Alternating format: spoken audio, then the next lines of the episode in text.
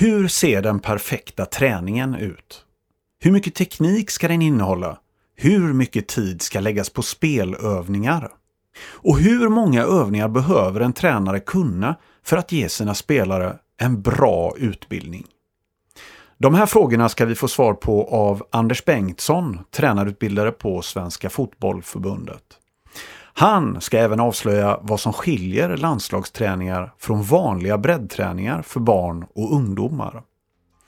Och vi ska självklart försöka ta reda på hur en sund relation mellan tränare och kon ska se ut. Välkommen till ett nytt avsnitt av podden Svensk Fotboll. Jag heter Juan Martinez.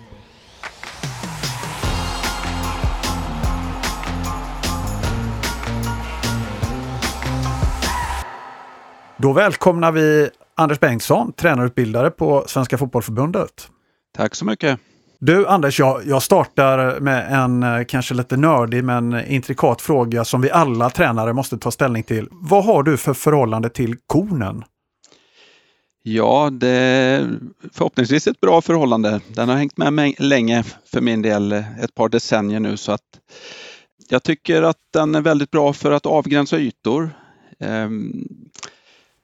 Har man en träningsplan med, eh, där man kan använda linjerna så känns ju det renare och sådär men det är ganska sällan som man använder precis ytorna som finns på, på planen i träning så att konen är ju jättebra att, eh, att se till att det blir avgränsat. Eh, även i, för start och mål i övningar så att jag tror att det är en bra relation. Ibland tycker jag att de är i vägen, framförallt i teknikövningar så har det varit många gånger som bollar studsar över de här hattkonerna. Så att eh, beroende på vad man har tillgång till för material så föredrar jag väl egentligen sådana här plastgubbar, mannekänger eller eh, platta koner där bollarna bara rullar över utan att ändra riktning. Mm. Jag, jag, tänker att vi tar upp det här för det är ändå en, en av tränarens viktigaste redskap och när man kommer till övningsdesign så, så är det sällan man undkommer konerna.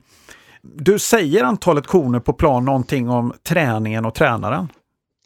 Nej, det finns nog inget eh, exakt antal eller någonting som är bättre eller sämre utan det kan vara så att en välplanerad träning med koner på plats för att avgränsa övningar och, och så det kan vara klokt att om man kan duka upp i förväg. Se snyggt ut när spelarna kommer om olika övningar redan är uppkonade.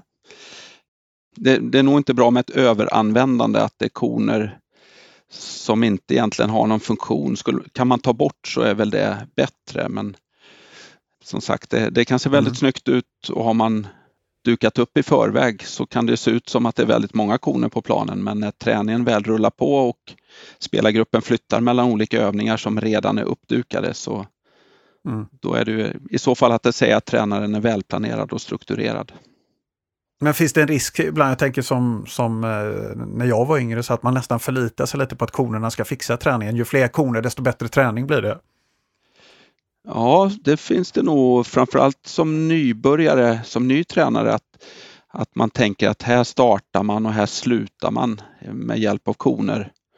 Det, det kan ju kännas som en trygghet men det blir en falsk trygghet för spelet är ju inte så att man startar på ett bestämt ställe och slutar på ett bestämt ställe utan man får tjuvstarta i fotboll, man får gena i löpning och så vidare. Så att sådana här övningar med X1 till X2, alltså från den här konen till den konen, det är ju något som vi i tränarutbildningen försöker gå ifrån. I så fall bara som kompletterande övning. Mm. Vi ska komma in lite på det här spelövning, färdighetsövning och, och du ska få reda ut de begreppen. Men jag, jag bara hänger kvar lite Anders. Jag tänkte på när jag började som tränare och det är 10-12 år sedan nu när barnen var små så jag dukade upp kanske en rejäl konskog som de fick dribbla sig igenom och det var ju nästan så att man kände sig lite Ja men titta här, här har jag fixat. Det är 55 till 70 konor på planen. Eh, nästan som man imponerade på föräldrarna. Var det, eh, vad tror du, gjorde jag rätt eller var jag ute och kanske överdriven här? Jag har i alla fall själv gjort likadant eh, vid flera tillfällen. Rätt eller fel, men att ge barn utmaningar och designa lekfulla övningar är ju bra. Det kan vi väl ändå säga att det är rätt mm. då. Eh, och en konskog låter ju som en kul oregelbunden lek. Att eh, tvinga så att säga eller lura barnen till att använda både vänster och höger fot, utsida och insida av foten och så vidare.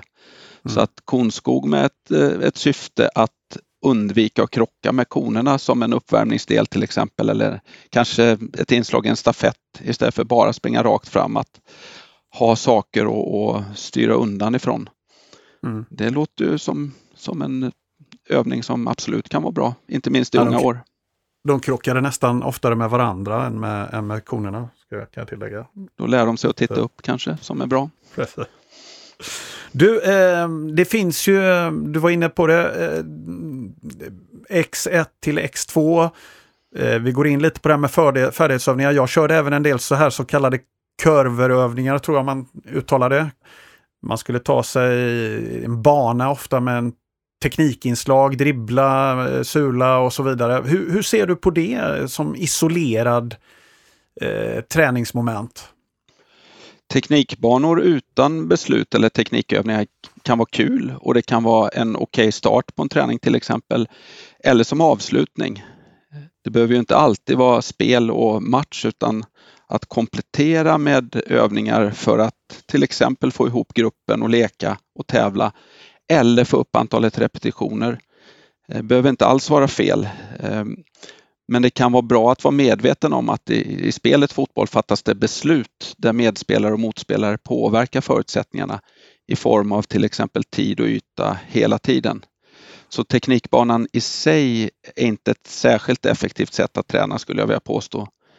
Men som sagt, en begränsad del av träningen, absolut. Eh, inte gå ut och spela stort direkt utan den kan funka. Där tänker jag Anders, där går man in lite på pudelns kärna då. Eh, alltså, när man ser ibland eh, träningar och nivåerna är så enormt olika på barnen eh, beroende på hur länge de har spelat och vilken utveckl individuell utvecklingsnivå de är.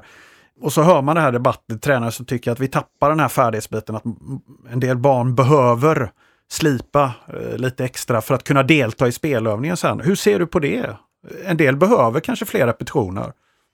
Ja, repetition och matchlikhet det är två faktorer som vi på tränarutbildningen vill att tränaren tar med i sina reflektioner kring övningsval och sina beslut om vilken övning man väljer. Så att både repetition, det är viktigt att göra saker för att lära sig saker. Men i den här aktionen, fotbollsaktionen som man gör, driva bollen eller vad man nu tänker för teknik som vi tränar på, så kommer det alltid finnas med ett beslut när det är dags att driva och i vilken riktning jag ska driva och så vidare. Och repetition i fotboll får helst innebära att det inte är exakt samma. Mm. Och då finns det ett uttryck som är, låter repetition utan repetition. Det, att en situation, det kan vara att en, en situation uppstår i en övning flera gånger men det finns beslut med. Eh, till exempel om, om jag känner att med mitt lag vill jag att vi ska träna väggspel. Det skulle jag vilja mm. hände mer när vi spelar. Då skulle en två mot en övning där övningsdesignen då ger två mot en situation väldigt många gånger. Men där just väggspelet uppstår kanske varannan, var tredje gång. För att spelarna fattat beslut utifrån vad försvarsspelaren positionerat sig till exempel. Eh, vill jag ha maximalt antal repetitioner då kanske jag har en kolonn där jag instruerar dem till att gå ut i vinkel och så blir det ett väggspel och så växlar man där nere. Och, och då blir det väggspel varenda gång. Någon gång så missar de och passar lite snett och så men det är bara det styrt att det blir ett väggspel. Medan i två mot en övningen så kommer de någon gång då gå själva för att försvarsspelaren täcker passningslinjen så pass bra så att, eller dåligt kanske för de öppnar en väg så jag kan springa fram och skjuta själv. Så att då föredrar jag att, att man tänker många repetitioner men med något beslut med i övningen. Men om man då tänker sig att eh, några av spelarna kanske inte besitter tekniken ens för att utföra det här växtspelet? Nej, exakt. Det, det är den nöten man har att knäcka i en väldigt eh, heterogen grupp. Eh, och kan man då i förberedelsedelen någon gång under passet eller som lek i slutet ha med tekniska moment och få repetitioner där de som inte har kommit så långt slipper fatta stressade beslut eh, och dessutom Eh, stressas av en, en lagkamrat eller en träningsmotståndare då som har kommit mycket längre så kanske de lyckas med sitt väggspel eller driva bollen ett antal gånger ändå. Men i slutändan så gäller det liksom att få dem till spelbesluten. Det är ändå dit vi ska komma, att eh, aktionerna ska ske med medspelare och motspelare. Men just den här balansen som du nämner att är det bättre då med 20 repetitioner av väggspel i en komplex situation än eh, låt oss säga det dubbla 40 i en helt isolerad situation. Jag tror att det är bättre att det blir 20 när beslutet är med än 40 utan beslut. Men som du säger att vara vaksam på att alla i gruppen ändå får, eh, får skaffa sig erfarenhet av det här. Annars måste man kanske bryta ut och göra en isolerad övning så att de får testa åtminstone. Mm. Det, det, låter ju som att uh, det är svårt att skapa en helt generisk lösning för alla ändå. Absolut, det, det kommer inte bli hundraprocentigt rätt. Du Anders, om du reder ut en gång för alla den korta definitionen av färdighetsövning respektive spelövning. Vad är skillnaden? Färdighetsövning är när man har som syfte att, att förbereda inför spel eller öka antalet repetitioner eller komplettera träningen. Och om vi tänker en bild med spelarens färdigheter, om vi tänker att en spelare har tekniska färdigheter, de har en spelförståelsedel som ska tränas, fysiologiska färdigheter och psykologiska, eh, en psykologisk del att träna. Så att varje spelare har fyra olika färdigheter. Och om man tänker sig att man koncentrerar sig på en del, då ska jag kunna eh, definiera det som en färdighetsdel, då, att nu ska vi träna teknik. Eller nu ska, vi, nu ska vi springa här, vi ska ha stafett med lång vila vi tränar snabbhet. Då är det en färdighetsövning i fysiologi i form av en stafett. Eh, medan spelövning, då fattar vi beslut, helst enligt lagets arbetssätt att så här spelar vi fotboll i match. Och då, då är det medspelare motståndare och helst en riktning och så vidare. Det finns en grad, eh, en skala då hur matchlikt det blir kan man säga. Men med spelövningar då kan jag välja mellan olika positioner och, och beslut och så vidare. Och, och, då ingår alla de här fyra ingredienserna menar du? Fysiologi, psykologi? Exakt, i, va, i varje fotbollsaktion i spel då kommer spelaren ha ett mod att eh, dribbla. Eh, man kommer ha en teknik att dribbla. Man kommer ha spelförståelse att nu är det dags för det är en mot en här. Jag har ingen kompis med mig eller jag kan dribbla för att göra mål det blir fysiologiskt då med koordination och att jag är tillräckligt uthållig så att jag har ork att göra det här när det väl läget uppstår och så vidare. Att det är hela tiden att alla eh, färdigheter eh, är inblandade i, en spelövning. Men där kan jag då se att nu är det bara 7 av 20 som har dribblat här. Vi får inte till det här en mot en överallt på planen och så där. Och jag vill att eh, under spelarutbildningen av de här unga spelarna till exempel att vi ska testa på att dribbla. Man ska lyckas och misslyckas allihopa och inte bara de som vågar just nu i 12-årsåldern här. Då kanske jag har en övning, en mot en övning eller på något sätt har en, ett färdighetsinslag i den träningen också som kompletterar spelet där jag uppmuntrar till en mot en. Och kan det då handla om att du får dribbla mot koner då eller? det skulle ju kunna vara det att i en riktigt tidig del att det inte ens är motståndare. Men det är också sådär, ja, det är nog... Vi svär i kyrkan där. Eh, lite grann, det är synd att, att inte utnyttja motsatsförhållandet i träning. För att om jag som tränare, instruktör hela tiden ska låta och instruera och så vidare. Det blir väldigt jobbigt i längden när man är tränare för ett lag och, och föräldratränare kanske förhoppningsvis hänger med i 5, 6, 7, 8 år med en kull. Men däremot är övningen designad så att det finns ett motstånd i motsatta förhållandet. Om man jobbar med dribblingar så blir det också en mot en defensivt. Då kommer dessutom feedbacken bli automatiskt att jag märker om jag kommer förbi har jag gjort något bra. Det behöver inte en vuxen, en tränare stå och ropa till mig utan är övningen designad så att jag märker att det där funkar ju. Då kommer jag få automatisk feedback i detta. Så att motståndare är, är, alltid bra. Dessutom så blir det roligare träning när man tävlar mot varandra. Idrott är tävling och, och i ett lagspel när det alltid finns en motståndare så blir det dessutom roligare om det är vi mot dem. Så att det finns många vinster med att och inte köra för eh, isolerat och ta bort så mycket. Men igen, det blir liksom där, är det några som aldrig kommer förbi och man vill få med dem och att de ska uppleva att de lyckas någon gång och att man gör övningen ännu enklare. Ja visst, det behöver inte vara fel. Mm. Du Anders, finns det någon form av gyllene formel när det gäller hur man, tidsaspekten då tänker jag, hur mycket av träningen ska vara spelövning kontra färdighetsövning? 70-30, 80-20 eller finns det något sånt där man kan ta med sig som tränare som man ska, för, kan förhålla sig till? Där blir också eh, frågan lite, får man sätta i kontext i vilket lag det är, hur mycket laget tränar, hur många gånger i veckan till exempel.